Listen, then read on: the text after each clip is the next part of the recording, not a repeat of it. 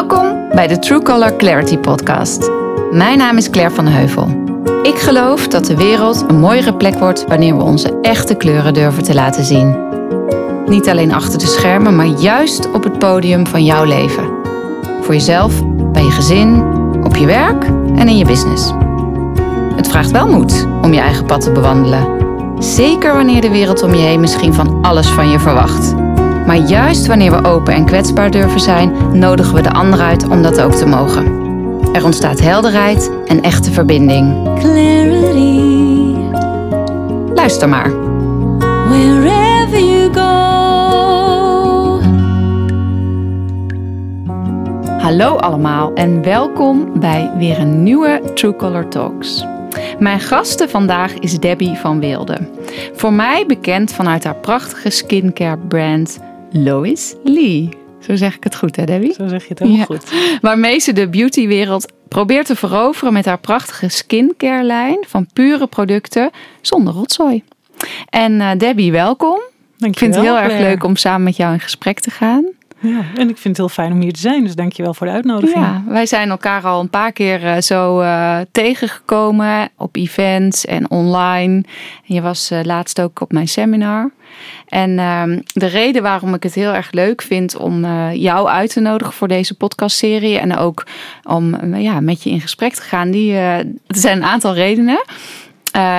Eén is, ik gebruik zelf ook jouw eh, producten. Ik ben er heel erg blij mee. En eh, vanuit mijn achtergrond en dat wat ik ook lang gedaan heb, denk ik dat het een heel, heel erg welkom is om zoveel mogelijk rotzooivrije producten ook voor je huidverzorging en, eh, te hebben. En jij hebt daar iets heel moois in neergezet. Dus vind ik heel leuk om van jou te horen. Hoe is die weg dan geweest? Hoe heb je dat aangepakt? En daarnaast eh, delen we natuurlijk ook het ondernemerschap.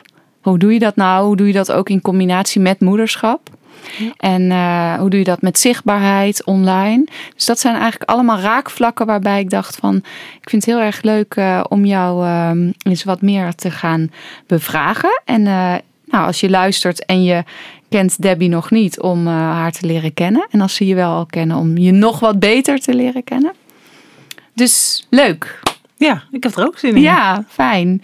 Hey, en ehm, wil jij om te beginnen ons eens een beetje meenemen in wat maakt eigenlijk dat jij bent gaan doen wat je nu doet? Waar, eh, wat, waar, hoe is dat gestart? Ehm, wat, wat is jouw verhaal daarin? Nou, dit verhaal begint voor mij altijd in 2005. Ja. Ehm, toen heb ik een motorongeluk gehad op Bali. Mhm.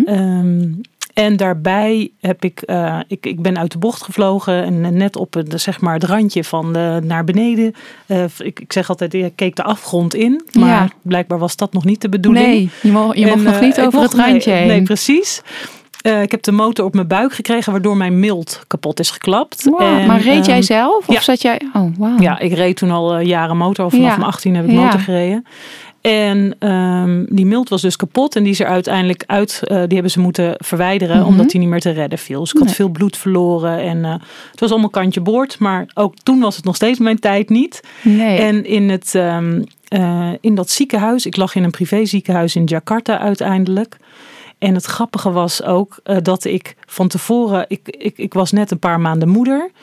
En ik had geen postnatale depressie, maar ik had wel zoiets van: oh, ik, is dit het nou? En ik moet echt tijd voor mezelf hebben en te bedenken. Ik was toen 27 van wat ga ik eigenlijk doen met mijn leven? Zo, Ja. Op zo'n punt stond ik. Dus je was ook nog best wel jong moeder. Of Ja. in ieder geval voor ons in deze in tijd deze was je best ja, wel op jong mijn moeder. 26e was ik, eh, was ik al moeder. Ja.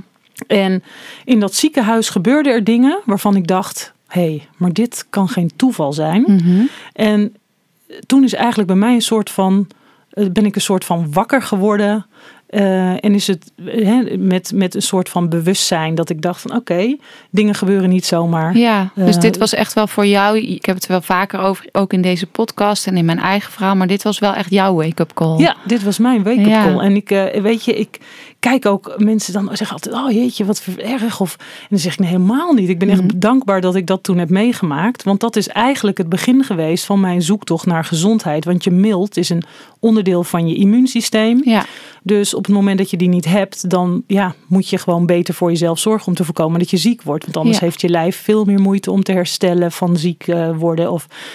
En ehm, Maar je kan er dus wel zonder. je kunt er zonder, Ja. andere organen nemen het over. Ja. En ehm, het grappige is eh, dat in de loop van de jaren, een paar jaar geleden, heb ik een ehm eh, een röntgenfoto laten maken en er is weer een klein miltje teruggegooid. Nee. Ja, Nou, En dat- maar, maar het lijf blijft mij gewoon ja verbazen. nou, dat had ik ook. En ik- ik, Ongelooflijk. daar, weet je, die zoektocht naar gezondheid, daar begon ook echt wel een beetje mijn missie. Want ik ehm, ging me, denk ik, de eerste twee jaar was ik er nog niet zo heel erg mee bezig. Maar vanaf 2007 ging ik me heel erg verdiepen in, in voeding en wat voeding ehm, met je kan doen.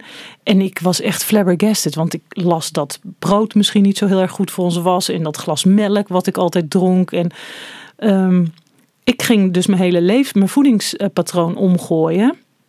En ik merkte dus dat ik daar echt fitter van werd en meer energie kreeg. Mhm. En dat ik geen migraine meer had, wat ik daarvoor nog wel eens had. En ik werd echt, ja, ik, ik, ik wilde iedereen wakker schudden van, joh, maar je kunt je zo Dat je fit voelen, doen. dat moet je doen. En daar herken ik dan ook jouw verhaal wel weer in. Ja. Want jij bent denk ik ook rond die tijd gestart. En Ja. ik kan me ook nog herinneren dat jij op Twitter heel actief was. Ja, dat klopt. Wat Ja. leuk dan. Dat wist ik nee, niet dat, van jou. Nee, maar dat was, jij was altijd dat ik dacht, jij was toen al heel erg outgoing. En ik probeerde toen nogal aan de weg te timmeren met wat voeding, maar dat, eh, dat lukte niet. Ehm, maar ik geloof dus ook dat doordat ik echt met mijn voeding aan de gang ben gegaan en gezonder ben gaan leven en beter voor mezelf gaan zorgen. Ten eerste dat ik eigenlijk nooit meer ziek ben geworden. Terwijl Nee. ik als eerste eh, eh, ziek zou moeten zijn. Ja. En met een klein kindje toen nog wat naar het kinderdagverblijf ging en weet ik veel wat. Dus ja, dat is, was mijn eerste drive eigenlijk. En daarbij, na een paar jaar, is dat miltje dus aangegroeid. Nou, dat kan volgens mij ook alleen maar als je je lijf de goede voedingsstoffen Nou, geeft. dat lijkt mij wel. Ja, ik heb er om- niet per se verstand van, maar wel dat Ja. ik denk, nou, je doet wel iets goeds. Ja. En ehm, wat ik zei, ik, ik voelde me zo gedreven om andere mensen wakker te schudden. Maar ja, die dachten elke keer alleen maar, oh, daar heb je haar weer met haar, eh, met haar verhalen. Dus ik dacht op een gegeven moment misschien is het handig als ik daar een opleiding voor doe of zo. Dan heb ik een papiertje en dan nemen mensen me wel serieus. Toen ben ik ehm, eh, onder andere de trainer hormoonfactoropleiding gaan doen. In 2013 was dat. En daar Ja, leerde dat is van ik... Ralf Moorman, Ja. toch? Heb je die gedaan? Ja, dat klopt. En ehm, ja, ik vond het super intrigerend dat je daar leerde over hoe je eh, voeding en je leefstijl eigenlijk van invloed is op je hormonen. En eh, nou, volgens mij was dat toen ik net een jaar of vij- 4, 35 was. En ehm, ja, toen merkte ik al wat verandering in mijn hormoonhuishouding. Dat ik dacht, hè, zo heb ik me nooit gevoeld. Dus ik vond dat weer, dat was toen weer hè, naast de voeding ook weer een nieuwe stap. Ehm, en dat vond ik zo leuk dat ik daar vrouwen in wilde gaan begeleiden. En tegelijkertijd deed ik, gaf ik toen ook al pilateslessen. En ik eh, deed dus consults met vrouwen op, voor die hormoonhuishouding. Maar toen kwam ik er ook achter dat ehm, in huidverzorging eigenlijk ook heel veel hormoonverstorende stoffen zitten. En Ja. ook schadelijke stoffen. En dat wist ik al, daar was ik al een paar jaar daarvoor mee bezig gegaan. Ehm, maar ik dacht, ja, als die vrouwen allemaal zo goed bezig zijn met hun voeding en hun leefstijl. En ze En ze smeren, nog steeds meuk, nog, ja. eh, meuk op. Want jij riep, zei in het begin ook eh, zonder rotzooi. Ja, ik zeg altijd zonder meuk. Hè, Ja. meukvrij, dat is een beetje mijn woord. Leuk. Mijn PR-dame die vindt nog steeds dat ik dat moet veranderen. Maar ja, het past wel echt bij, Bij wie jij mij. bent. En het, eh, en het zegt het wel meteen. Ja, hè? je weet gelijk. Tenminste, de meeste mensen weten inmiddels wel wat meukvrij is of wat meuk is. En ehm, ja, toen dacht ik, ja, en dat ik be- begon een beetje te kriebelen. Dat ik dacht, ja, hoe gaaf zou het zijn om daar dan iets voor te verzinnen? Ja, Ehm, en dat is eigenlijk de start geweest van, van Lois Lee. ja. Mooi. Nou ja, mooi. Eh, hè, we hebben allemaal zo onze wake-up calls. En Ja. kennelijk heeft. Wat ik er altijd eh, interessant aan vind, is dat. Dat zeg ik wel vaker, want voor, voor mij is dat heel herkenbaar. Dat je. We beginnen vaak vanuit een insteek die op dat moment het toegankelijk is en het beste bij ons past. En voeding is vaak een eerste treden op de ladder van dat holistischere kijken. Ja, dat dus is de ook van, makkelijkste dus de stap, denk ik. makkelijkste Ja. eigenlijk. Eh, en eh, eh, ook qua je bewustwording of spiritualiteit ziet heel veel mensen die eerst dat laagje voeding en, en het versluierende van voeding, van de verkeerde voedingsstoffen eraf halen. Nou, dan word je al, krijg je meer energie, je staat meer open, je hebt- hebt meer bewust intuïtie, kan je makkelijker bij. En dan komt weer een volgende stap en dan ga je het weer wat meer holistisch bekijken. En Ja, mooi. kennelijk volg jij die weg ook. Dus dat is wel mooi om te horen. Ik denk, maar dat is het ook vaak. Ik, ik zei op een gegeven moment helemaal in het begin van Lois Lee, dit is eigenlijk de, de next step in je healthy lifestyle. Ja, ja, weet je wel? precies. Eerst voeding, sporten, stressmanagement. En als je dat allemaal een beetje op orde hebt, dan ga je je verdiepen in, oké, maar wat eh, Ja. smeer ik dan eigenlijk? En waarmee Exact. poets ik mijn tanden en Ja. eh, dat soort dingen. Ja, dus het is echt wel in dat hele totaalplaatje is het echt wel een component waar Ja, je dan naar gaat kijken. Dus, dus jouw klanten waarschijnlijk ook. Ja, en ik, het ehm, verbaast me ook nog, of misschien moet ik zeggen, het verwondert me nog steeds dat ik inderdaad ook op Instagram nog wel veel eh, eh, lifestyle of van die fit girls zie en die dan alles helemaal gezond, bla bla bla. En dan promoten ze een of ander meukmerk naar Ja, mijn idee. naar Dat ik jouw denk, idee. joh, Hoe kan dit nou? Ja. Is dit nog... Ja, waarschijnlijk of ze worden heel goed betaald, maar dat ik denk, ja, Dat dit is denk zo ik. zonde. Want of het, eh, ja, maar zou jij, Nee, nee, dit kunnen, kan toch niet meer? nee dat Met kan niet meer. Maar ik denk, dan- ehm, ik denk wel fijn. Want ik zie meteen als jij, als jij daar ook over praat, zie ik ook meteen dat vuurtje aangaan. Dus dan denk Ja. ik van ja, daar heb jij gewoon iets in te brengen. Ja. En dan, daar, daar is nog wel een wereld in te winnen. Dus dat is eigenlijk heel mooi. Ja. Nou, dat, dat denk ik ook. En ehm, het is nog even de, de kijken hoe ik dat moet doen. Want ik kan ook wel, ehm, weet je, echt op de barricade en dan ah, wat met die meuk, bla bla. En nu ben ik echt een beetje aan het kijken, oké, hoe kan ik mijn boodschap nou gaan verkondigen? Ja. Ehm, zodat het meer mensen aanspreekt. In plaats van dat ik het vanuit die boosheid of dat, weet ja, je, dat is mooi. een beetje. Ik denk dat ehm, dat wel een mooi inzicht is om ook bij jezelf. Want ik, ik, ik herken het wel een klein beetje nog uit het easy peasy eh, verhaal. Dat eh, ehm, wij zeiden dan ook heel vaak: ja, je mag wel inspireren, maar niet bulleren. Ja. Want mensen gaan gewoon hun defense gaat gewoon omhoog. Omdat Dat je klopt. ja, eigenlijk prik je ze op iets wat ze misschien wel weten. Maar wat ze dan ook niet zo heel erg fijn vinden als je, ze daar, als je daar dan op drukt. Ja.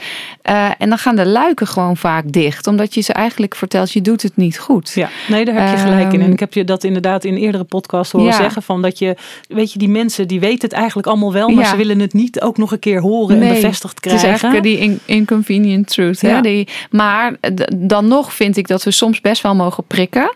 Hè? Want de anderen hebben het wel weer nodig om heel eventjes daarin gepusht eh, te worden. Maar ook om ze wakker te schudden. Want Precies. mensen weten het niet altijd. En op het moment dat ik eh, zeg van... Hè, want het was ook een beetje van... Ga ik, ga ik me nou focussen op wat voor mooie ingrediënten ik gebruik? Of ga ik vertellen wat ik er juist niet in gebruik? Ja. Zodat ze denken, oké, maar waarom gebruik je dat niet? Blijkbaar is dat dus niet goed. Eh, ja, Ehm, en dat ik denk, ja, ik kan wel vertellen wat voor mooie ingrediënten het zijn en wat het allemaal voor je huid doet. Maar ik wil ook het verhaal vertellen dat we gewoon belazerd worden door de beauty-industrie. ja.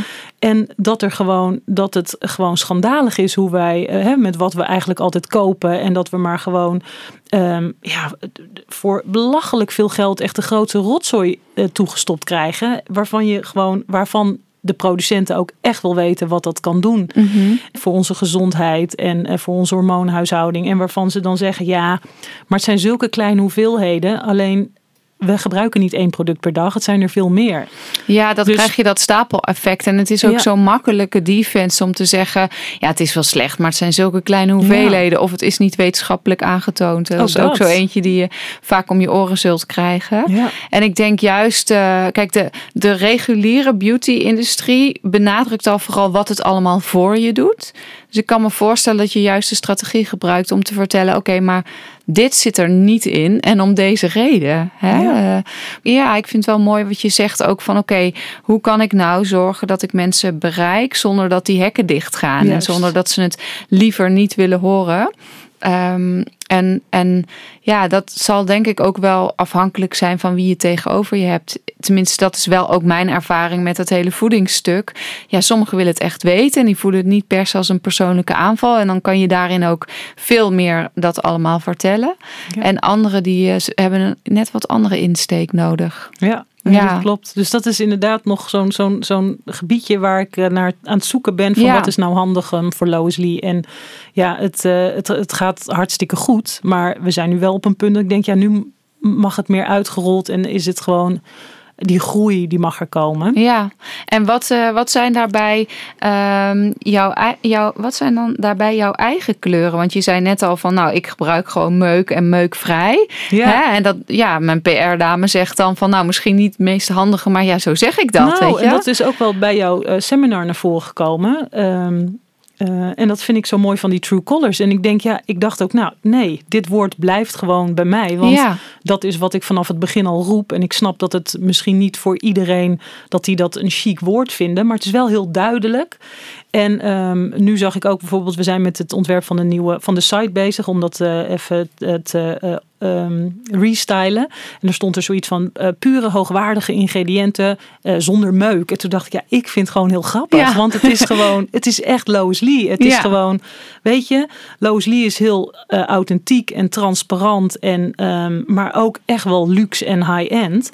En ja, het is gewoon meukvrij. Ja, moet ik het in een mooier woord? Nee. Ja, nee, dat, Dan, Nee. wordt het, dan is het niet, Niet meer van jou. mij. Nee, en als je mij dan ook in het begin vertelt van ja, ik reed gewoon lekker op die motor en ik knalde bijna die afgrond in. Dan denk ik, zo, pittig. Eh, dus er zit ook een soort stoere kleur. Eh, een beetje, ja, gewoon, zullen we het gewoon benoemen zoals het is. Ja, Hè? En, nou ja, eh, dat is het, weet je. Het is, ehm, ehm, ik, wat ik zeg, ik wil heel transparant zijn over wat ik gebruik en waarom ik het gebruik. Hè. Bij mij op de site staan alle ingrediënten en wat het voor je huid doet. Ja, Ehm, dat, ik wil dat mensen dat gewoon weten. En, ehm, maar ja, ik ben zelf ook gewoon zo. What you see is what you get. Mhm. Dus ehm, ja, ik kan het ook niet mooier maken. En, nee, en dat hoeft dus ook niet. nee, want dat is nou. niet meer. Dat heb Nee. ik, die tijd heb ik gehad dat ik, eh, dat ik me anders... eh, Ja, dus dat, was, dat is wel iets wat je hebt gedaan. Ja, heel in je leven. Ja. ja, dat heb ik. ehm, ehm, jij, jij had natuurlijk wat vragen die je me toestuurde van vroeger en zo en die kleuren. En toen dacht ik, ja, ik weet het niet. Ik weet het enige wat ik me kan herinneren is dat ik ehm, me altijd probeerde eh, wat, wat ja, zo, zo leuk mogelijk en lief mogelijk voor iedereen. Omdat ik, ik had eh, bijvoorbeeld een heel slecht contact eh, met mijn biologische vader. Mhm. Dus als ik dat al had, wilde ik me natuurlijk heel leuk voordoen, zodat Ja. hij me de volgende keer wel weer Wil- wilde, zien. zien. Ja. Eh, bij ons thuis, we hadden een samengesteld gezin en ging de aandacht vaak naar mijn stiefbroertje, wat niet helemaal goed ging.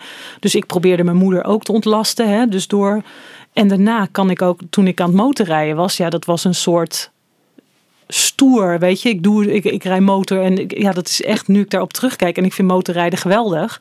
Maar ik kan nu wel zien dat ik dat niet was. ja, Ik was echt, dus dat je Ehm, letterlijk moest crashen even. ja, Ja. echt letterlijk op mijn plaat gaan Ja. om weer wakker geschud te worden. Ja. Om van, joh, hè.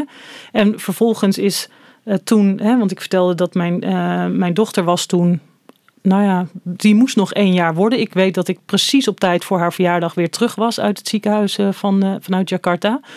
Eh, en een half jaar later ging de relatie met haar vader ook eh, over. Omdat Mhm. ik ineens dacht van, maar wacht even, wat, in Ja. wat voor relatie zit ik Nee, eigenlijk? je, ja, je kon niet meer terug. Je nee, was eigenlijk, ik was eh, inderdaad, ja, nee. Soms heb ik wel zoiets, als ik het allemaal niet had geweten. Soms is het makkelijk om niet te weten, maar het is echt Ja. een beetje zo de Matrix, de, de, de, de rode of de blauwe pil. Ja, weet je, Dat als is je een dat, mooie vergelijking. ja, Ja, weet je, je als je, iets, als je het weet, kun je niet meer nee, terug. de genie is out of the bottle. Ja. Hè? Je kan, niet, je Die kan hem kan niet meer meer terug. terugstoppen. Nee, Dus toen is mijn leven echt wel helemaal veranderd. veranderd. Ja, En ehm, wat ik zei, jou, jouw vragen gingen me echt wel aan het denken zetten. Dacht, ik dacht, oh ja, en die dingen die daarna zijn gebeurd en de relaties die ik daarna kreeg, dat ik echt mezelf weer mocht afpellen en weer Mhm. terug mocht naar, ja, inderdaad, gewoon ehm, meer vanuit liefde. En dat ik, ik dacht, ik ben, ik ben echt wel leuk of zo, weet je wel. Ik ben ook gewoon, mensen zouden niet direct als ze mij zien eh, lief, maar dat zit er ook echt wel in, weet je wel. En Ja. dat was eerder, was het altijd stoer. nou je had een En stoer jasje aangedaan, dus kennelijk. Ja, En ehm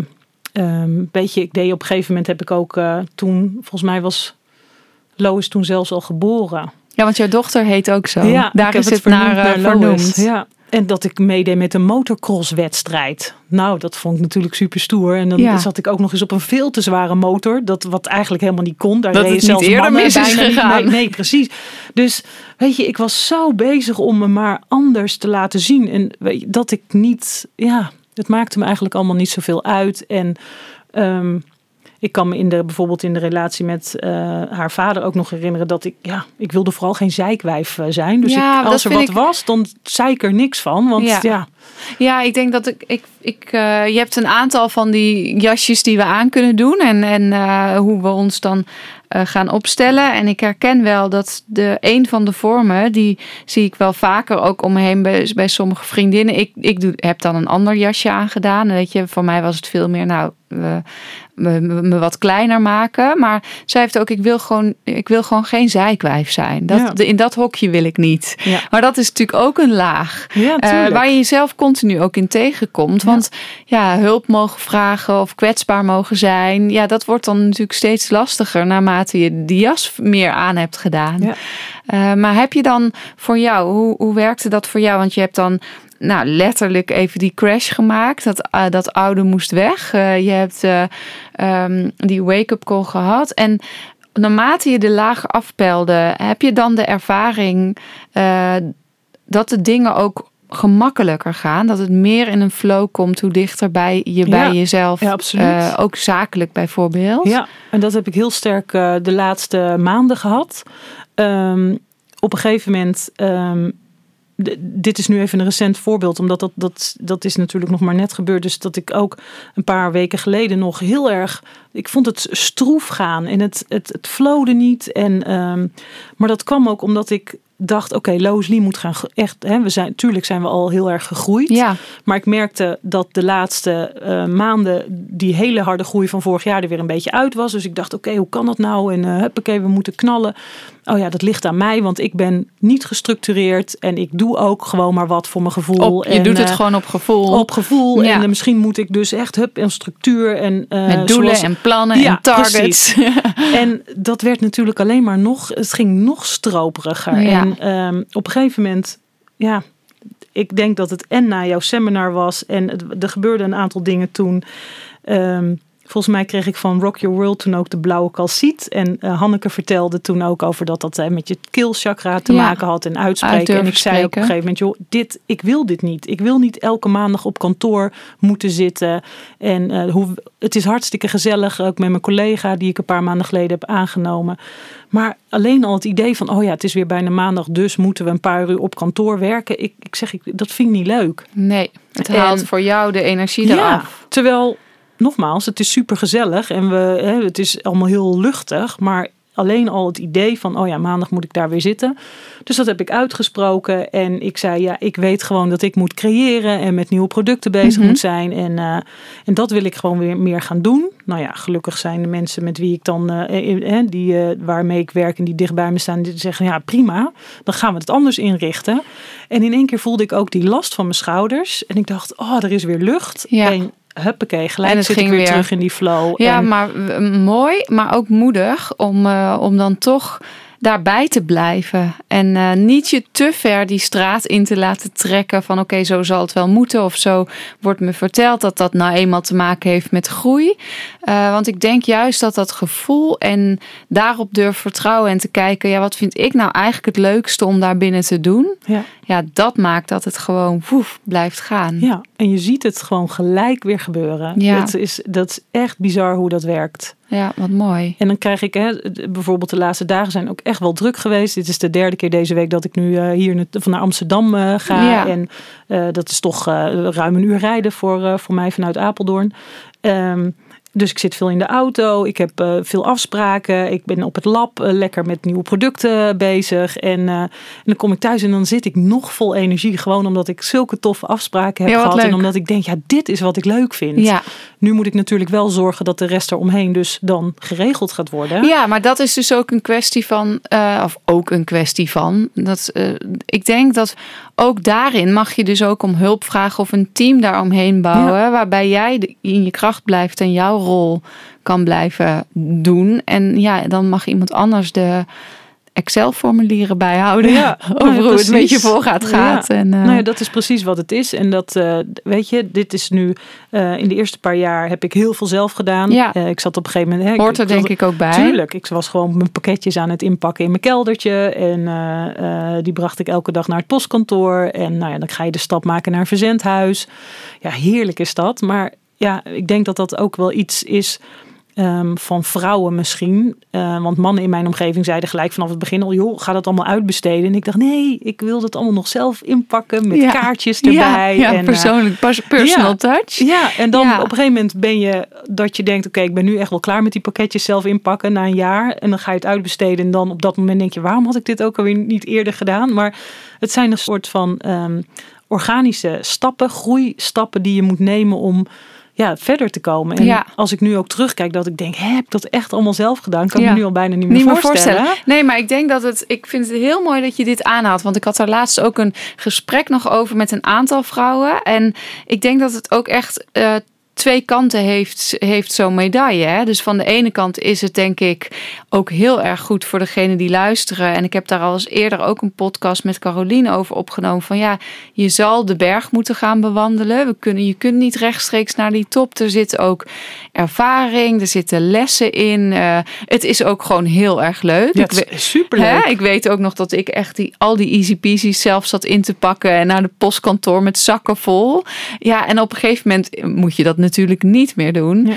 Eh, en de andere kant van die medaille is dat wij het inderdaad, denk ik, en nou, nou moet je natuurlijk nooit generaliseren, maar de andere kant is dat wij eh, als vrouwen heel vaak onze business te lang niet serieus genoeg nemen. Daar waar als ik mannen spreek met een idee, dan gaan ze of een lening of een investering en dan hoppakee, dan komt een kantoor en natuurlijk moet er ook een computer en nee, er moet ook iemand die je telefoon opnemen en zelf verzenden, doei. Eh, daar heb je, weet je Ja. wat jij net ja, ja, aangeeft. Ja, dat, is- maar dat is En ze zien dat veel meer zakelijk, durven daar ook veel meer in te investeren en risico's in te nemen. Zeker niet alle mannen nogmaals.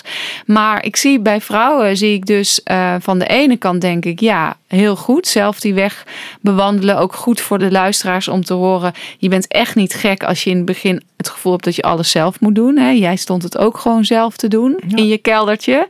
Ik ook. Ja. Dus ik denk dat dat er sowieso bij hoort. Maar de andere kant is dat ik ook heel vaak zie dat je dan, als je dat te ver doorvoert, dan, ja, je, je werkt je gewoon over de kop. Je zult op een gegeven moment moeten zeggen, super spannend, maar we gaan het nu naar een verzendhuis brengen. Ja. Of super spannend, ik ga nu een collega aannemen. Ja. En ik denk dat die ruimte innemen, maar ook jezelf en je business in dat geval serieus nemen, dat we daar nog wel echt elkaar in mogen empoweren. Dat we mogen zeggen van doe maar gewoon. Ja. Weet je, tuurlijk spannend, maar ja, je, je kan het op een gegeven moment niet meer alleen blijven doen. Nee, tenzij je het gewoon op dat niveau wil houden. Ja, ook prima. Is ook Inderdaad, prima, mooie ja. toevoeging. Ja, want dat is ook oké. Het is ook helemaal prima, ja. Ja. Maar ik heb vanaf het begin al gezegd, eh, ja, Lois Lee, dat wordt een imperium. Ja. En ik, ik zeg ook elke keer, ja, dat woord komt eigenlijk helemaal niet. Ja, blijkbaar komt het wel uit mij, maar dat zou ik echt normaal nooit niet hebben in je vocabulaire. Ko- hebben. komt eigenlijk niet in mijn vocabulaire voor, maar dat, dat voel ik al vanaf het begin. En ehm, dat komt ook eh, omdat ik met Lois Lee wil ik ook echt wel impact maken. Nou, je, je- niet- wat je vertelt, je, jouw why dan, of Ja. jouw de reden, ja, da- daar, daar zag ik net ook het vuur van aangaan.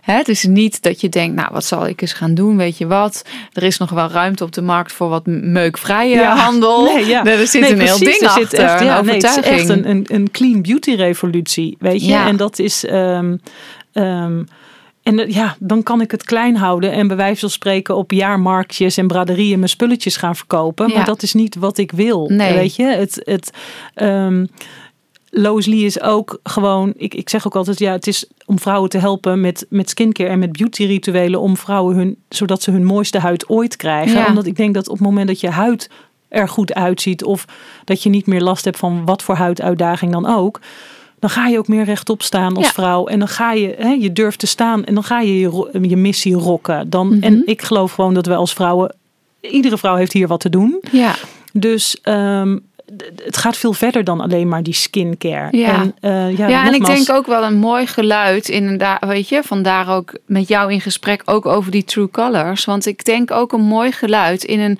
maakbare wereld. Hè? Dus als we gaan kijken naar de beauty influencers en naar de producten en alles wat je ook op social eh, voor je kiezen krijgt, dan, dan heeft het ook veel te maken met wat er niet goed aan je is en hoe je dat mooier kunt maken.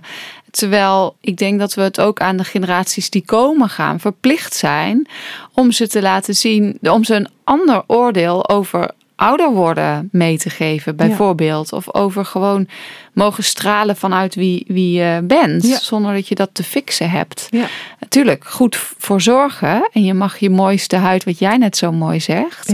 Maar we hadden ook op het seminar even samen daar, na afloop een kort gesprekje over jouw missie om ja ook wel ehm, niet alleen vrouwen van onze leeftijd, maar daar ook wel naar te kijken van oké, hoe gaan we dat aanpakken? Weet je, wat wordt Ja. mijn boodschap daarin? Inderdaad, en voor onze dochters, en nou ja, onze kinderen dan in ieder geval. Maar eh, ik, nu denk ik nog steeds aan dochters alleen. Maar ja, Ehm, mijn dochter is inmiddels 14 en ehm, ja, die gebruikt al vanaf het begin dat zij eh, dat Loos Leader was, gebruikt ze dat ook. En als ik dan zie ook wat vriendinnetjes, hè, hoe de huid van die vriendinnetjes eruit ziet, omdat die misschien toch nog met de ouderwetse Cleracil rotzooi op die, Ja. die huidjes kapot maken. Ehm, of zich verstoppen onder dikke lagen make-up. Ja, omdat zij niet, ja, ze zien op, op social natuurlijk. Ik kan me niet herinneren dat ik vroeger met concealers en, en de foundation, daar was ik helemaal niet mee bezig. nee, maar ik denk Maar dat die make-up tegen- artists en die vlogjes en Ja. die videootjes en dan, en dan perfecte wenkbrauwen en al die make-up, dat ik denk, nou, nou, ik weet niet hoe oud ik was voordat ik een keer mascara opdeed, Nee, maar ik was zeker niet met Ik kan me nog foundation in herinneren dat, ik een keer naar een feestje ging. Toen was ik denk 14, 15. Dat moest zei, wil je een beetje mascara op? Dat ik zei, oh oké, ja is goed, weet je wel zo. Ja. Maar ehm, eh, nee, het- weet je, eh, of, of zich verschuilen achter filters of eh, dingen. En, en ja, daar heb ik echt, voel ik dus ook die, die drive in Mhm. om eh, voor die doelgroep ehm, iets op de markt te gaan brengen, wat we ook gaan doen.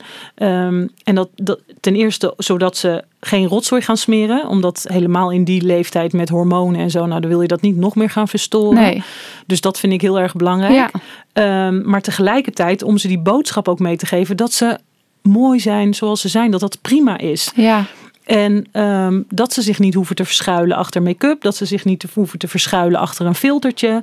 Maar nee, dat ja, het ik, gewoon ik wil dan eigenlijk hier yes Ja. gaan zitten. Ja, please do. Want eh, dat is zo belangrijk. Het is zo belangrijk. Ook om, eh, ik denk ook, wat je net ook zo mooi zegt, hè, die, als ik nu naar mijn foto's terugkijk van 16, waar ik best wel onzeker was, waar ik een eetprobleem had, waar ik mezelf liever niet wilde laten zien. En ik zie die foto's nu, denk ik, mijn god, what, what were you Ja, thinking? wat- what waar- were you thinking? Waarom was er niemand die zei Waarom? van, en ik zei, dat zeiden ze ongetwijfeld, maar, Dat zal best wel, ja, maar, maar- ik denk dat het, eh, dat het in driedubbel stereo op ons afgevuurd mag worden op die leeftijd. Want je bent onzeker, je, je bent je aan het meten, je bent Ja, aan het je kijken bent op waar, zoek naar wie je, wie je wie, bent. Wie, je bent inderdaad. ja, en waar je bij hoort. Ja, maar ja, dat lijkt me echt, tenminste ik voel het als een soort van verantwoordelijkheid om dat te gaan doen ook. Ja, heel Ehm, mooi. Ja, en helemaal, weet je, dat is dan ook niet alleen maar die skincare, maar dat, dat zal ook meer worden van een beetje een soort van events waarin we bloggers uitnodigen of mensen die vertellen van joh, dit is wat je ziet, maar dit is ook hoe het Ja, is. dat En- de, ook die wereld wat transparanter Ja, gemaakt precies. wordt. Ja, wat mooi. En, dan, en daar heb je dan toch, ik denk als je dat op een positieve manier, hè, ik zie dan al ook al helemaal zo'n festival voor me, dan sta je ook op de barricade, maar wel op een andere manier. Dus Ja. dan is dat niet meer.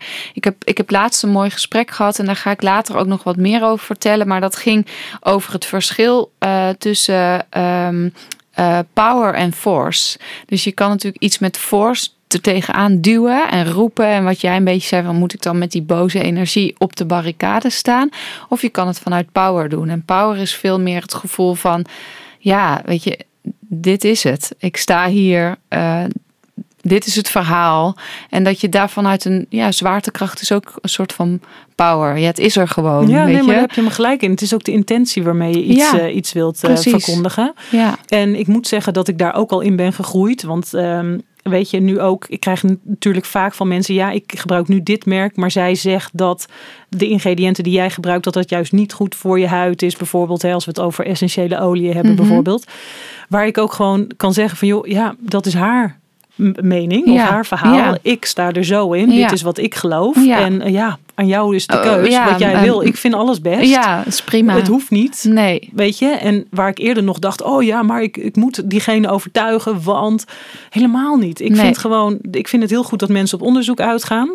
Dat ze kijken, oké, dit is het voor, dit is het tegen. En dat ze dan zelf een wel overwogen keuze kunnen maken. Ja. Maar ik ga ze niet meer pushen. Nee, van je dat gaat ze dus Nee, niet maar- overtuigen Nee. of eh, met force. Eh, Ja. Weet je, het is gewoon, jij staat in je eigen kracht. Dit is wat je te brengen hebt. Al heb ik dus wel dat ik nog denk van ja, weet je, ik heb een tijdje webinars gegeven inderdaad met hoe de beauty-industrie ons belazert. Ik dacht dat is een lekkere eh, zin, weet je. Dan, eh, Lekker komen- pakkend. Ja, lekker Dan pakkend. klikken mooi mensen op. Maar ja, ook daarvan denk ik, misschien klikken ze juist niet, want dan denken ze van dat wil ik helemaal niet weten. Mhm. Dat kan natuurlijk ook.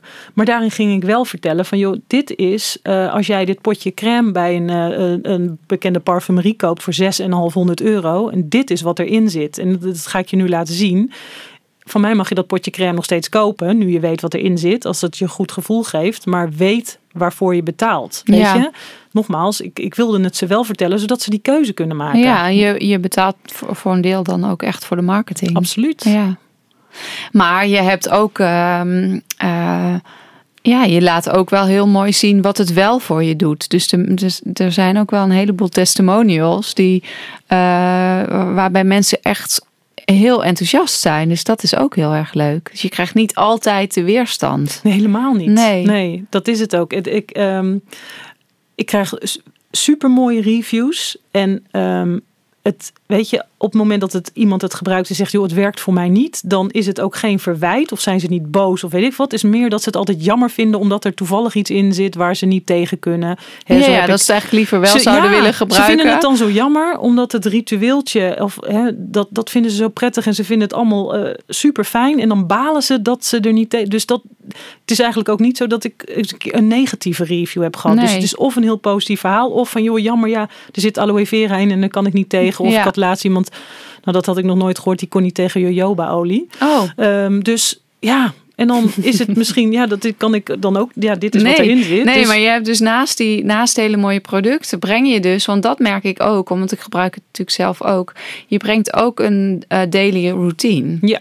Ja. En ik denk dat dat ook wel eh, fijn is om je, je start en sluit je dag af met even wat aandacht voor jezelf. voor jezelf. En eh, ja, je hebt even daar een, hoeft maar drie, vier minuutjes te zijn, maar je bouwt, start wel op. En, je, en dat is wel, ik denk dat, dat we daar wel weer, eh, ja, daar heb je ook op andere lagen, heb je daar iets aan. Ja. Dus niet alleen voor je huid, maar je bent nee, maar ook dat wel... Is, dat is precies wat het is. Het is hè, dat, dat ritueeltje heb ik ook gemaakt met in mijn achterhoofd wel ook hè, vanuit die hormonen Ja. gezien. Stressreductie is natuurlijk super belangrijk. nou kijk, Hoe dat ga je? Oké, nou mediteren is natuurlijk leuk, maar dat Ja. is niet voor iedereen weggelegd of die heeft daar niet altijd zin in. Wat kun je nou doen om, eh, ik zei altijd, die badkamerdeur even dicht trekken achter je, even die tijd voor jezelf nadat je een drukke dag hebt gehad en misschien met je gezin en al die ballen hoog houden, bla bla, Ja. Doe even dat ritueeltje. En het is gewoon een kwestie van even je product inmasseren met een warm doekje op je gezicht. Je creëert een soort van spa-ervaring in je eigen badkamer. En het grappige is dat de vrouwen die daar het meest tegenop zien, die zeggen: Wat een gedoe met zo'n warm doekje. Ja. Dat zijn vaak de vrouwen die zeggen: Oh, wat lekker. Leuk. Het is net als dat je zegt: van eh, ja, ik moet mediteren, maar daar heb ik echt geen tijd voor. Hoor. Nou, dan moet jij juist gaan mediteren. Ja. Dus het is, het werkt. Het is gewoon even een moment voor jezelf, die dag van je af laten glijden. En, maar op een vrij eh, toegankelijke manier, zonder dat je direct in een eh, lotushouding hoeft te gaan zitten met, eh, met je kristallen om je heen. Ja, en weet je, dat is ook super, want ja, dat doe ik ook graag. doe vooral. als je dat prettig vindt. Maar dit Ja. is net even een ja, wat laagdrempelige eh, manier, zeg ja. maar. ja, en je vertelde net al even van, eh, nou, hè, ik kom eigenlijk net wel uit een soort eh, fase waarin ik merkte, oké, we zijn best wel hard gegroeid. In, en ik herken het heel erg, omdat ik dat zelf denk ik ook wel de afgelopen twee jaar heb meegemaakt. Dat je dan in één keer, ja, dan stroomt het, het is aligned, je gaat. En dan kom je natuurlijk ergens waarbij je keuzes moet maken. En nu heb jij dat net zo mooi verteld van, oké, maar dat was echt voor mij ook helder en wakker blijven met wel dicht bij mezelf houden. Ja. En ehm, ehm, hoe was dat toen je net, aan, net begon? Heb je toen, eh, had je toen ook al, eh, want je zei net even, ik, ik, ik deed dat eigenlijk ook wel een beetje op intuïtie. Maar ben je daar ook dingen in tegengekomen waarvan je denkt, nou, is misschien wel leuk om te delen, om te kijken, omdat wie weet, worstelen wel meer mensen daarbij. Dus bijvoorbeeld zelf had ik ook heel erg. Ja, ik vond het ook best wel spannend om eh, zichtbaar te zijn, bijvoorbeeld. Of om eh, te vertellen wat ik dan aan het doen was voor, me, voor mijn omgeving. Of voor, nou ja, dat soort dingen. Hoe, hoe zat dat bij jou? Nou ja, ik had dat eh, idee van, dat, van die skincare lijn, en, maar ik had helemaal geen geld. Nee. Dus ehm, ja, ik zat te bedenken, oké, hoe kan ik dat nou dan op de markt gaan brengen zonder geld? Want ik wilde eigenlijk niet naar de bank, want dat, ja, ik had het idee, nou, dat dan zien ze mij aankomen met mijn ding. Dus ik, eh, en toen heb ik eh, gekozen voor crowdfunding. Dus om mijn producten in de voorverkoop al aan te bieden. Ehm, en dan zouden mensen dat wel of niet gaan kopen. En dan zou ik een startkapitaal hebben. Ja. Maar goed, daarvoor moest ik een filmpje maken bijvoorbeeld. ja. En hoewel mijn zusje eh, cameravrouw is en dat deed, vond ik het vreselijk om voor die camera te zitten. En waren we ook echt een dag bezig voor een filmpje van één minuut zoveel. Dus dat en was wat, mijn eerste. wat maakte het vreselijk voor Oh jou? gewoon in die camera vertellen eh, wat ik deed. En ik zie ook gewoon als ik dat terugkijk. Nou, het grappige was, mijn zusje zat het te filmen, was het dus aan het filmen. En die zei op een gegeven moment, weet je, dan op een gegeven moment moet het weer over en weer over. En dat je op een gegeven moment een beetje melig wordt. En dat ze zei, ja, en nu zie ik, zie ik jou weer. Ja. Weet je, dat je, Daar ben je weer. daar ben ik te weer. En daarna waren even de stemmetjes Ja. van wie ben ik en zie ik er stom uit en Ja. wat heb ik en eigenlijk te vertellen. en eh, wat, ja, precies, want ik had nog niks. Hè? Nee. Ik had alleen een idee. Ja. Dus daar begon het eigenlijk al mee, dat eerste filmpje. En ehm, ehm, vervolgens moest ik die crowdfunding gaan starten. Ik wilde 10.000 euro bij elkaar krijgen.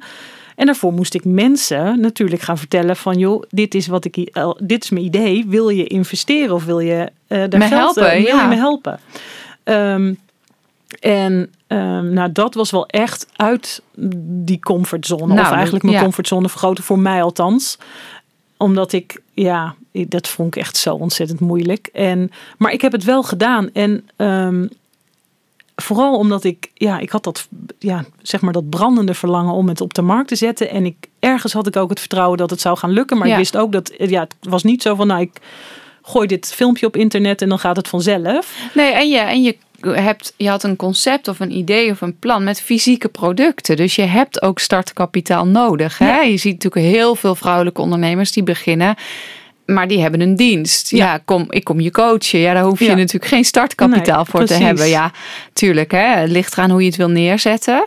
Allemaal. Maar dat is wel anders dan wanneer je denkt. Nou, ik, moet, ik hoorde jou net toevallig ook al zeggen. Nou, dan ben ik lekker in het lab aan het kijken. En denk, oh, interessant. Ja. Een lab, weet je. Je hebt gewoon producten die Ja. er moeten komen. Dus wel weer een andere. Dit is heel anders, dan dienstverlenende Ja, dingen. zeker. En, en qua investeringen natuurlijk ook. Ook, hè? ja. Als ik, eh, als ik zie dat inderdaad met coaches die dan inderdaad vooral hun investering in de branding marketing. Ja, ik zit vooral ook eh, als ik nieuwe ehm, eh, eh, grondstoffen moet inkopen. Of ehm, nieuwe kokers zoals nu weer, weet je. Ja. dat, eh, of nieuwe doekjes voor, voor dat cleansing ritueeltje.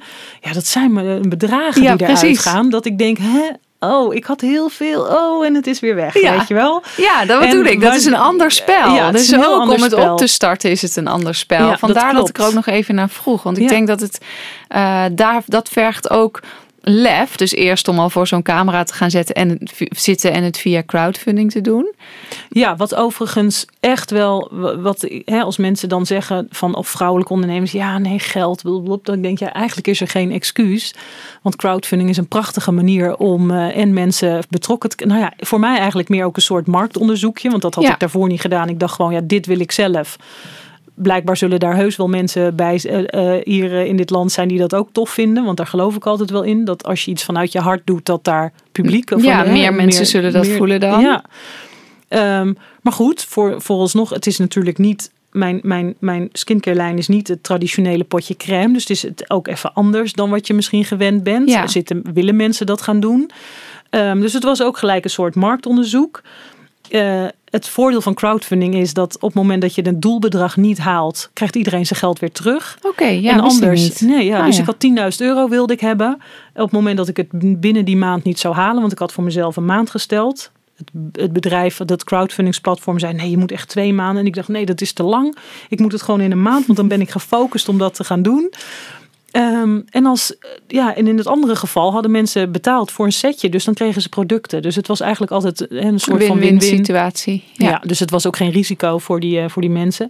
Dus crowdfunding vind ik echt op het moment dat je iets heel graag wil, en, maar je hebt het geld niet. Ja, er zijn zoveel mogelijkheden om toch je doel te realiseren. Ja, dat vind ik een hele mooie boodschap. Ik Ja. denk eh, ook inspirerend, maar ook wel eh, wat ik ehm, merk, is namelijk dat het verschuilen is het grootste obstakel. Ja. Dus eh, ik heb nu inmiddels al zoveel vrouwen gecoacht, geholpen, in mijn zaal gehad, whatever. En eigenlijk is de gemene deler, wat jij net ook zo mooi zei, ze hebben eigenlijk allemaal wel wat te brengen. Ze brengen allemaal hun verhaal, kennis, ervaring, eigen unieke kleuren pakketje.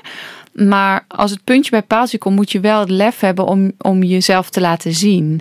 Ja. En ik denk dat dat echt wel spannend is. Dus dat beaam jij ook. Ja, voor die camera, we hebben er een hele dag voor geda- over gedaan. Ja, maar dat, Rete spannend. Ja, is het ook. Maar Ja. dat niet dat alleen. Ik heb in die eerste fase, weet je, met die crowdfunding ben ik zoveel uit mijn comfortzone Precies. moeten gaan. Door Ja. mensen te vragen van, joh, eh, dit is mijn idee. Wil je, wil je me helpen? Of, joh, je hebt, aan, je hebt een keer gezegd dat je me zou willen helpen. Ja, dat is nu. put eh, your money where your mouth was. Wil je, het nog, wil je het nog doen? Weet je, dat ik denk, oh, dit had ik. Maar ja, het voelde gewoon dat ik. Het, en eigenlijk, terugkijkend, is het ook allemaal heel logisch. Ja, en wat ik zeg, ik had zo het vertrouwen dat het zou gaan lukken. Maar het ging niet gebeuren als ik bleef zitten op mijn stoel. Nee, dus ik nee. moest elke dag ermee bezig zijn. Ja, en ik denk dat je daar een heel mooi punt raakt. Want dat is dus ook wat ik een beetje met die sterrenstof en stierenenergie. Ik hoor ook heel veel van. Nee, gewoon vertrouwen. Als het zo moet zijn, komt het wel. Nee. nee. Ja, vertrouwen, ja. Ja, dat wel. En het Eh, komt ook eh, wel, eh, maar- Het komt ook wel, maar je moet wel, je moet wel daar, je moet er wel iets voor doen. Ja, je moet het in de actie. vorm gaan, gaan brengen. Daarvoor zijn we hier. Ja. Eh, dus dat vind ik eh, ja, mooi dat het bij jou dus ook zo is gestart. Ja, En die crowdfunding campagne, dat is gelukt. Ja, toen had ik bijna 11.000 euro. Dus toen kon ik eh, van start. Maar ja, ik, wat ik zei, daarvoor had ik gewoon echt geen geld. Dus 10.000 euro was in mijn hoofd al een miljoen. ja, en er was in een week op. En toen had ik nog eigenlijk te weinig. Ja. Maar goed, weet je wel. Dat Ja. heeft zich uiteindelijk ook wel weer eh, geregeld. Ja, en toen kon ik gaan produceren. En dat is natuurlijk super spannend. Want zolang het idee nog in je hoofd zit, is het lekker veilig. Ja. En dan wordt het allemaal heel Ja, mag Maar- je blijven dromen? Mag je lekker dromen. En dan nog had ik nooit gedroomd met waar ik nu sta. Eh, ik denk dat ik dacht, oh, tof zou het zijn om een eigen lijn. En ik kan me nog herinneren dat ik zei, oh, als ik toch 3000 euro per maand zou omzetten. Wow, Ja. dat zou gaaf zijn. Weet je wel, dat dat mijn eerste stap was. Als dat... Ja. En het mooie was dat ik, eh, die crowdfunding had ik aan het eind van het jaar gedaan. Dus net voor de kerst gestopt. En in maart daarop kon ik dus eh, ja, mijn producten gaan uitsturen. Nou, dat was natuurlijk super spannend. Ja, Mensen hadden dat gekocht omdat ze het leuk vonden dat ik dat ging doen of dat ze me wilden helpen. ja. Overigens vond ik het opvallend dat mensen het dichtste bij, ja, tuurlijk mijn ouders en eh, maar ehm, ja, zeg maar mensen waarvan je verwacht dat ze je gingen helpen, die deden het niet en het Nee. kwam uit de meest onverwachte hoeken. Ja, wat mooi. Want ik denk dat dat op zoveel vlakken in het leven zo is. Op dit vlak en je business, ik merk het ook.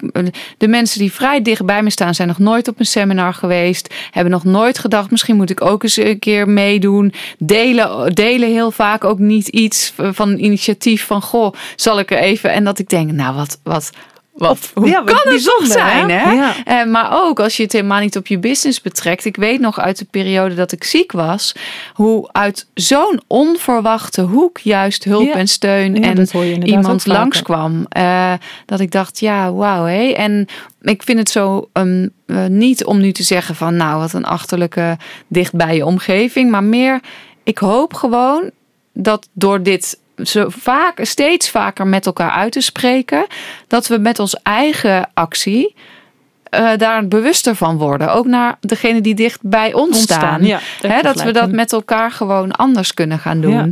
Want ook als ik bijvoorbeeld in het seminar weet ik nog eh, niet waar jij was, maar daarvoor heb ik ook gevraagd van wil wie, wie heeft hier een droom, een idee of een, eh, dat hij in de wereld wil zetten. Nou, al die handen in de lucht. Dat was ook logisch, want daar was dat hele seminar voor. En wie eh, houdt, laat zich weer houden door de stemmetjes. Ja, maar wat als ze dat van me vinden? Wat als ze niet me gek vinden of niet tof vinden? Wie ben ik? Nou, allemaal weer omhoog. En bij wie is dat de meest directe omgeving?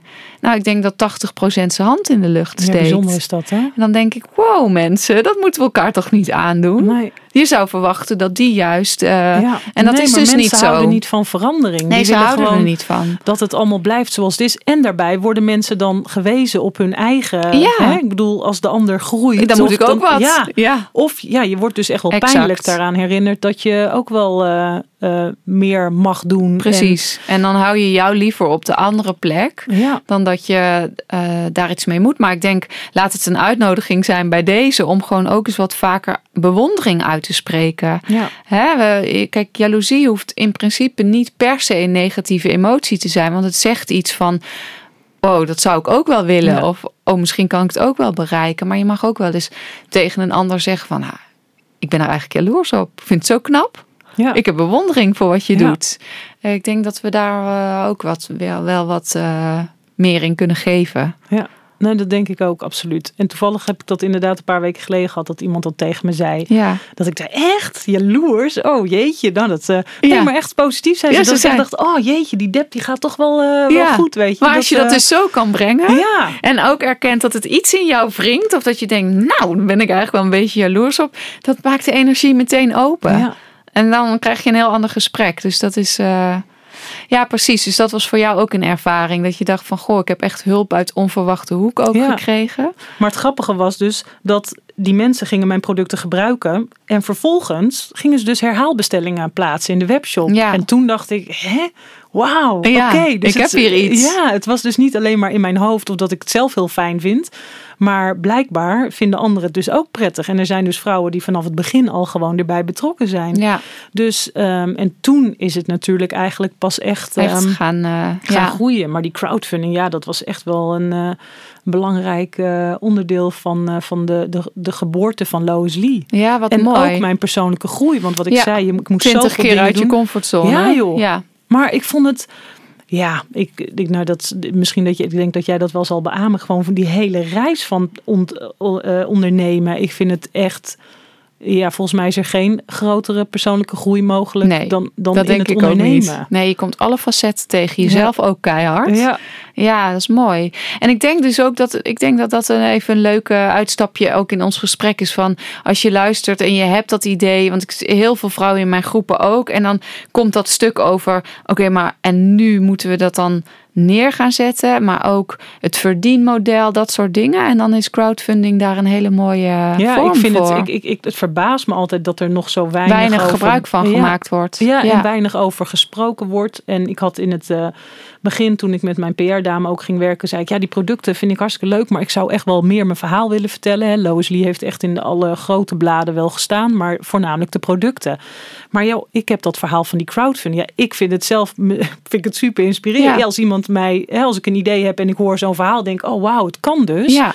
Dus ik dacht, ik wil dat verhaal wel vaker Ja. vertellen. Dus het verbaast me altijd dat er over crowdfunding in het algemeen gewoon zo weinig. eh, Ja, nou, want als er nu eh, iemand luistert in die, eh, van die bladen, dan zeg ik, goed idee. Ja. Ja, er mag wel wat meer, maar ook gewoon overal gezien. Kijk, daar wordt natuurlijk in de online bubbel waar jij soms ook in begeeft en ik ook, wordt daar al wel meer over gesproken, over die wake-up call en dat je leven. Maar ook dat is een heel mooi verhaal waar, Ja. waar wij ons gesprek mee starten.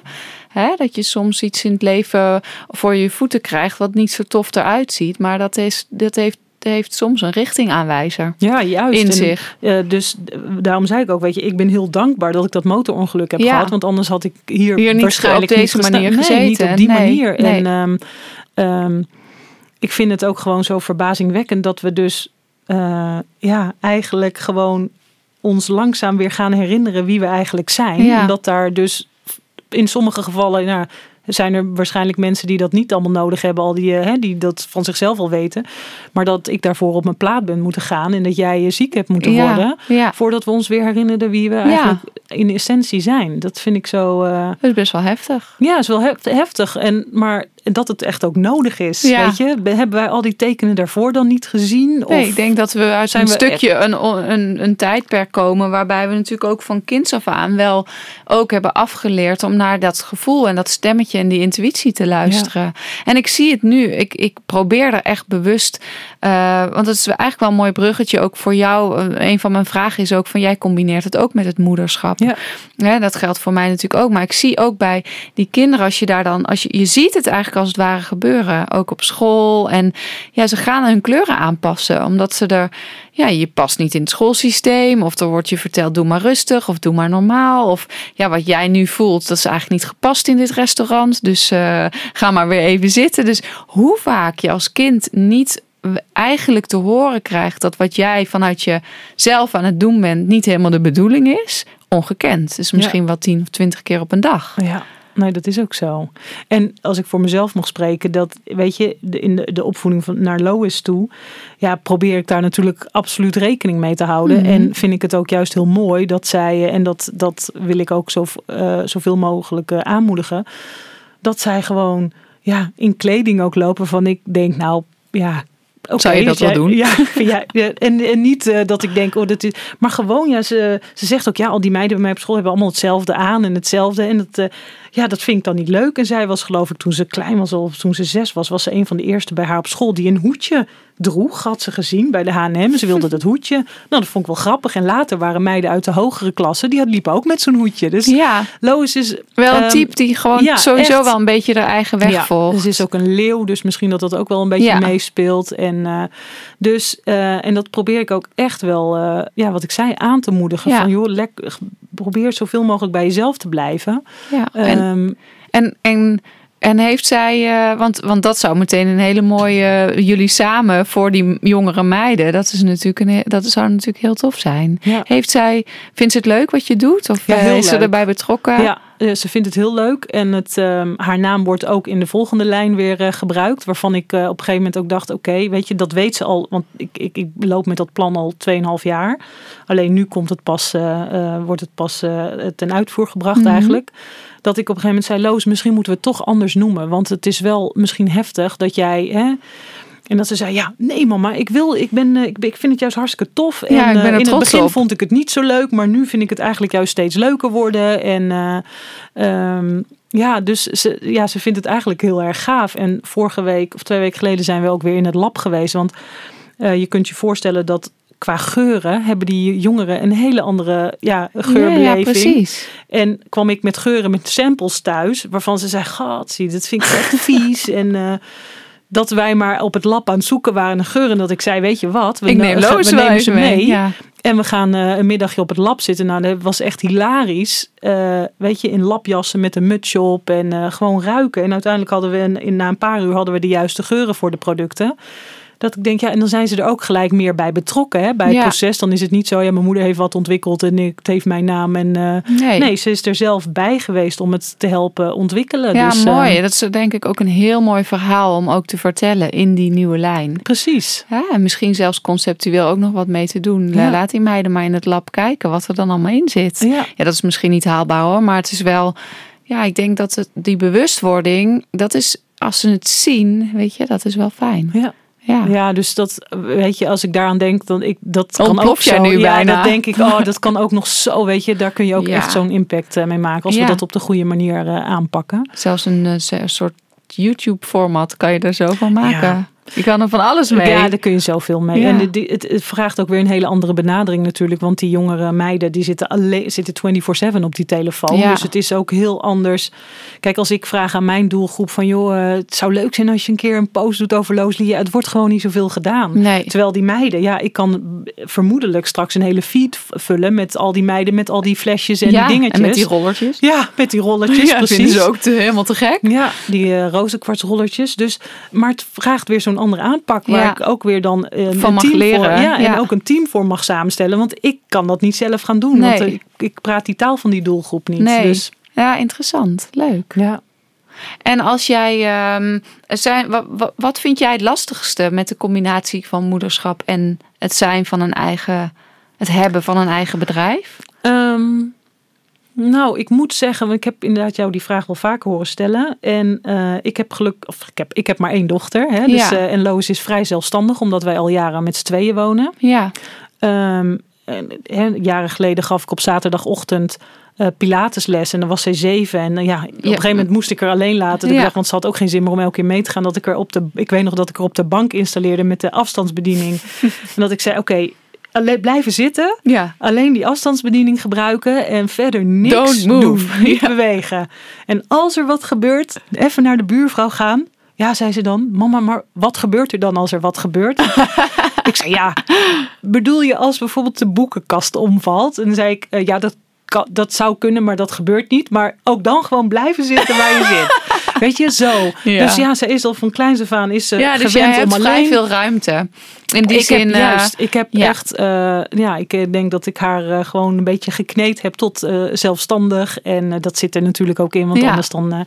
maar ook gewoon in, ja, zij ook helpen, weet je. De Mhm. eerste eh, crowdfundingspakketjes, ja, zaten we avonden, zaten we die doekjes te rollen en alles in te pakken in karton nog met die flesjes en dat allemaal avondenlang. Ik heb daar nog foto's van dat ze in de onesie zat, weet je wel.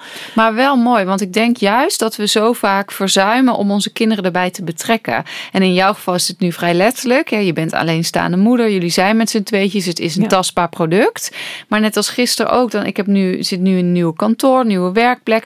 Ze willen het gewoon zien. Ja. En we vergeten het zo snel. Ja, mama is naar de werk. Ja, maar waar is dat werk dan? Wat doe jij dan allemaal? En ik merk gewoon dat als je ze erbij betrekt. Ze vinden fotoshoots bij mij ook beren interessant. Ze waren op jouw seminar. Ze waren op mijn seminar, wil ze ook op het podium, ja. weet je. Ze, ja, ik denk dat, het, dat je ze daarmee ook dingen meegeeft. Waardoor dat van, oh, ik ben, ik ben niet bij mijn gezin, ik ben bij mijn werk. Ja, dat, dat loopt allemaal een beetje door ja. elkaar heen. Ja, en ik werk echt vanuit huis. En het is één grote klerenzooi bij mij Ja. thuis. Van dozen en dingen van wat allemaal nog niet in het magazijn staat. En dat Loos ook elke keer zegt, mama jeetje, wat, wat een rotzooi hier. En dan of ik kom thuis en ze heeft het weer opgeruimd. Dus mooi. weet je, maar ze ziet wat er ook voor Nodig nodig, is. En ze ziet dat ik ook gewoon s'avonds aan het werk ben om nog eh, mailtjes af te handelen. Maar of, wel weet stoer je. besluit ook om voor jezelf te gaan terwijl je een kind op te voeden hebt. Ja, maar ja, weet je, ik denk dat als dat verlangen van binnenuit gewoon zo groot ja, is, kan je dat niet je anders. kan niet anders. Nee, nee dat klopt. Ik kan en ik had heel sterk het gevoel van oké,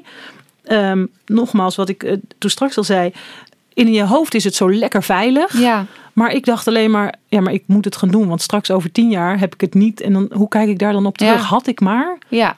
Nee, dat is ook geen... Dat is, eh, dat is geen nee, optie. nee, is ik geen dacht, ik wil het gewoon, al, al zou het helemaal compleet mislukken, heb Ja. ik het in ieder geval geprobeerd. Ja, mooi. En dat is ook gewoon waarvan ik zeg van joh, ehm, als vrouwen in, in, in het bijzonder, als ze een idee hebben of als ze gewoon voelen dat ze iets te doen hebben, ja, doe het.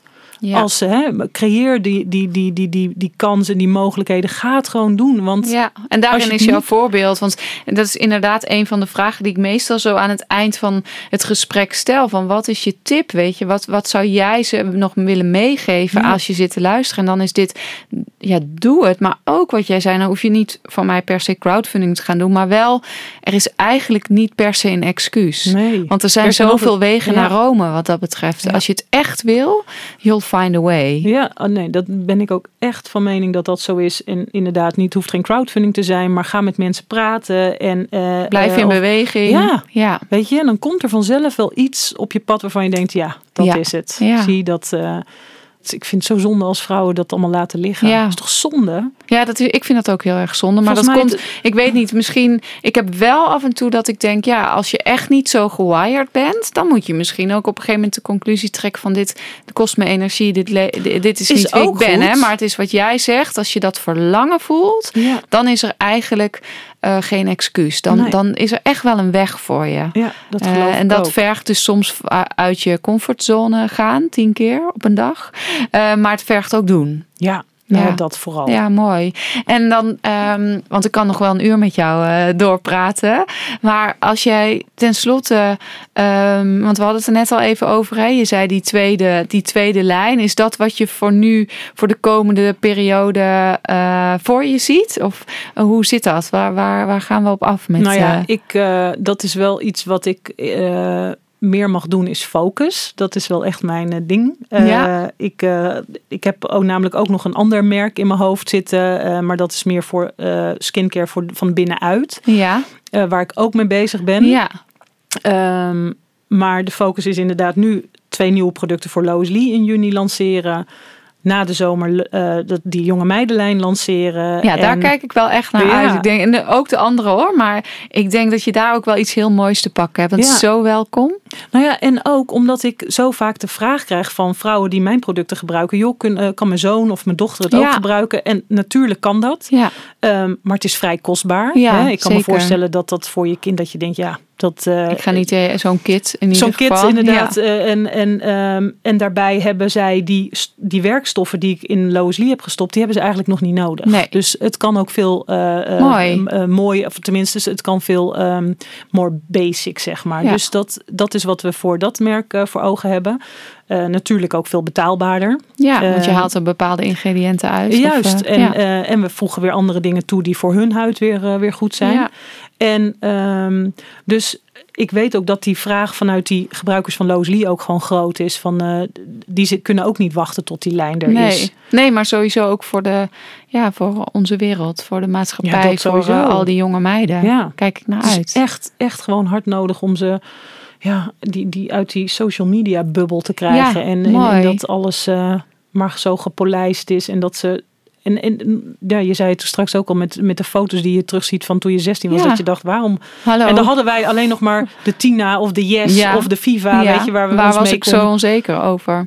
En ik zeg ook wel eens van, eh, ja, weet je, eh, tuurlijk, zij groeien daarmee op en zij krijgen dat, eh, ze vinden hun manieren daarin. Maar ja, ik zeg wel eens, ik, ik weet niet of ik wel zou zijn blijven staan in die Ja, hoeveelheid. ik vind het ook super heftig. Ik Ja. vind het echt super heftig. Ja. En ik zie gelukkig aan, aan, aan mijn kind dat ze daar niet zo heel erg. nee, ze zijn toch ook beïnvloed. anders daarmee bezig. Ja, gelukkig. Maar ehm, ja, je, je ziet het wel gewoon verder om je heen gebeuren. En ik, ja, ik moet zelf ook zeggen dat ik af en toe foto's voorbij zie komen. Dat ik denk, wow, ja. wat een effort heb je daarin gestoken om dat er zo dat is wel positief. Ja. positief. Wat heb je daar veel effort Ja. in gestopt?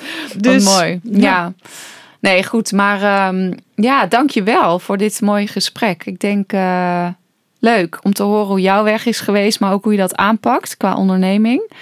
En sowieso, ja, ik ben natuurlijk fan van je product. Dan had je hier ook niet gezeten. Ja, Maar, eh, nou, Dank je wel voor jouw uitnodiging. En ja, ik vond het ook een prachtig gesprek. Dus Ja. ik hoop dat we daar veel vrouwen ook weer eh, op een bepaalde manier mee kunnen inspireren. Zeker. Net zoals ik door de andere podcast van jou ja, ook weer precies. geïnspireerd Nee, werd. zeker weten. Dank je wel. Graag gedaan. Ja. Bedankt voor het luisteren. Ik hoop dat deze aflevering je helderheid heeft gebracht en heeft geïnspireerd om jouw unieke kleuren nog meer te laten stralen. Leuk als je de volgende keer weer luistert.